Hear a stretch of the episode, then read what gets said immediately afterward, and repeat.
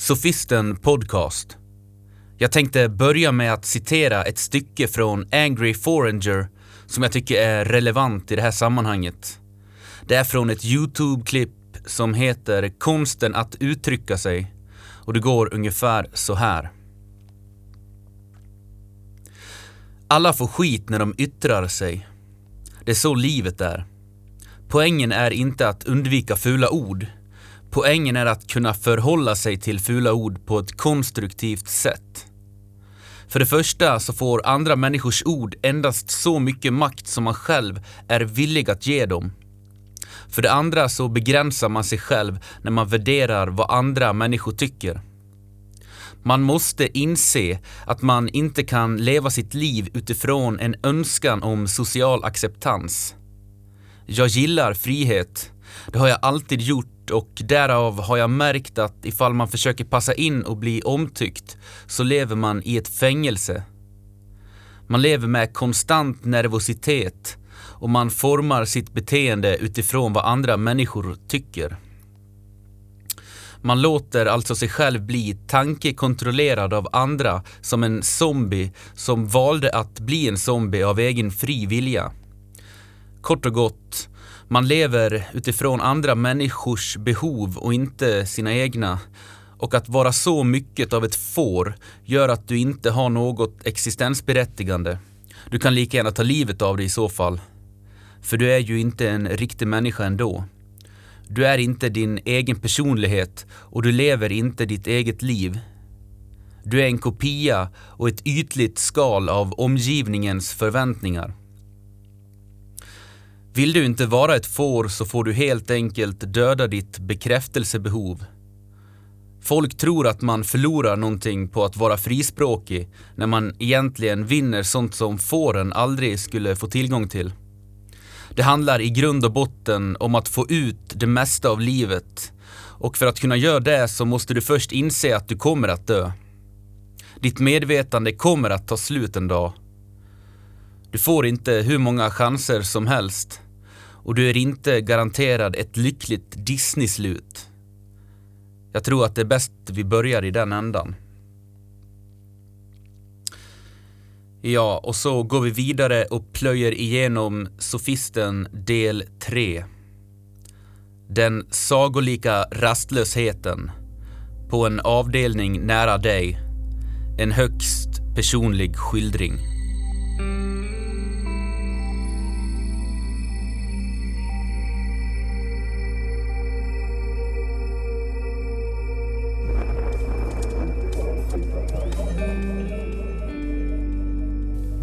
Det fanns ingenstans att fly och varken förr eller senare har jag känt en sådan hemlängtan.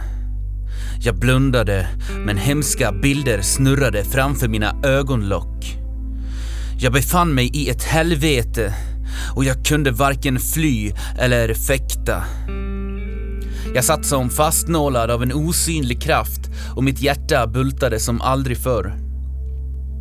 Zombien verkade dock inte lagt märke till mig. Den bara stod mitt på golvet i matsalen med en helt onaturlig hållning. Jag ville absolut inte att den skulle se mig. Kanske skulle den bita mig och smitta mig. Jag koncentrerade mig, försökte tränga bort paranoian och intala mig att fantasin just nu var min fiende. Och till slut såg jag att det bara var en kvinna.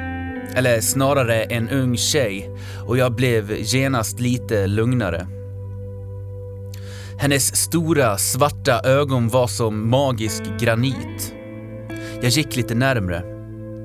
Bara det monotona ljudet från ventilationen hördes och ljusen i taket var dämpade.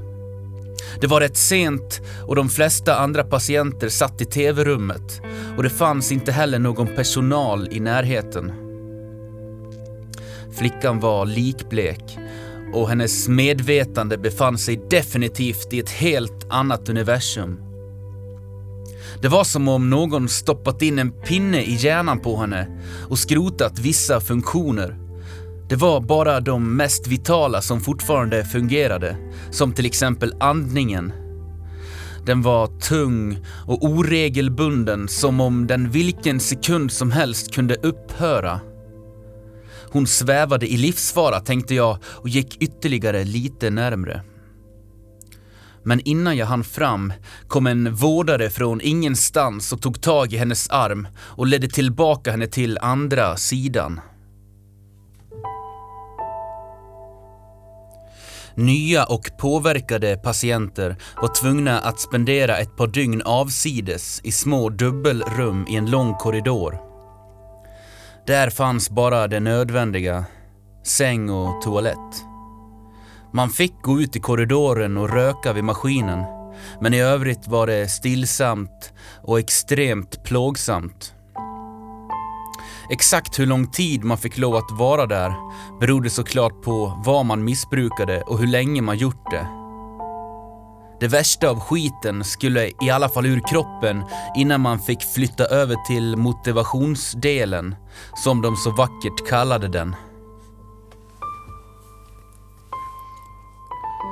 Personalen hade glömt att stänga dörren den kvällen. Den som separerade de båda enheterna. Och den lilla zombieflickan hade lyckats ta sig över till min sida. Hon skulle behöva minst ett par dagar till i dödszonen tänkte jag och föreställde mig Mount Everest, fast eh, inverterat. Hon skulle få lov att börja på toppen och sedan ta sig ner. En avgiftning sker i olika nivåer och läger. Hinder måste successivt övervinnas och man måste akklimatisera sig för att kunna gå vidare. Precis som på toppen av världens högsta berg, där syrenivån är livsfarligt låg, gäller det att fokusera och snabbt försöka ta sig ner, annars finns det risk att man blir galen, eller att man helt enkelt dör. Den kritiska nivån i början är livsfarlig. Det är bokstavligen som att vara i en mardröm. Hjärnans balans är helt och hållet ur spel och hela kroppen skriker efter ett lugnande medel. För man är allt annat än lugn. Irrationell ångest och nervositet blandas med stressen från dåliga minnen. Vidriga saker man sagt och gjort. Folk man svikit och kanske trampat på blir plötsligt närvarande på ett nästan spöklikt sätt. Och framförallt känner man sig ensam.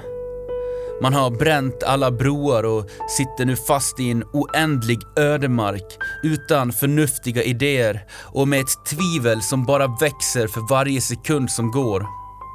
Som om karma bestämt sig för att nu får det vara nog. Nu ska du få igen din jävel. Man plågas så till den grad att eh, döden blir ett konkret alternativ. Och inte alls bara en romantisk fantasi om självmord som friska människor ibland kan unna sig. Kosta vad fan det vill, bara det upphör. Jag tyckte synd om zombietjejen. Hon hade det värsta kvar. Kanske skulle hon likt mig räkna alla hålen i takpanelen medan hon väntade på medicinen som förhoppningsvis skulle ta udden av situationen. Till slut skulle hon kanske somna till och drömma samma drömmar som jag. Mörker och ljus, det skiftar hela tiden och i vissa stunder skulle helvetet vara ett faktum Rent känslomässigt kommer hon att ge upp. Obalansen i hjärnan och kroppen kommer att bryta ner hennes psyke och hon kommer för alltid att vara förändrad. Tänk om, tänk om jag hade träffat henne lite tidigare. Hon var ungefär i min ålder. Vi hade kanske haft en framtid tillsammans. För bara två år sedan hade vi varit 20 och då hade förutsättningarna varit helt annorlunda. Vi hade kunnat mått dåligt tillsammans. Om jag bara hade fått kysst henne. Vågor av eld mot hennes bröstkorg. Som om någon eldade hennes lungor inifrån. Då skulle lusten för några ögonblick försvinna och hon skulle vara fri. Men efter en tid skulle begäret besegra henne igen och infernot vara ett faktum. Det skulle hålla på i evigheter. Men jag, jag älskade henne. Jag kände med henne som jag aldrig förr känt med någon annan människa. Det sorgliga var att jag visste att jag aldrig skulle få se henne igen. Imorgon skulle jag skrivas ut och hon skulle ligga nermedicinerad i ett rum någonstans. Och jag visste inte ens vad hon hette.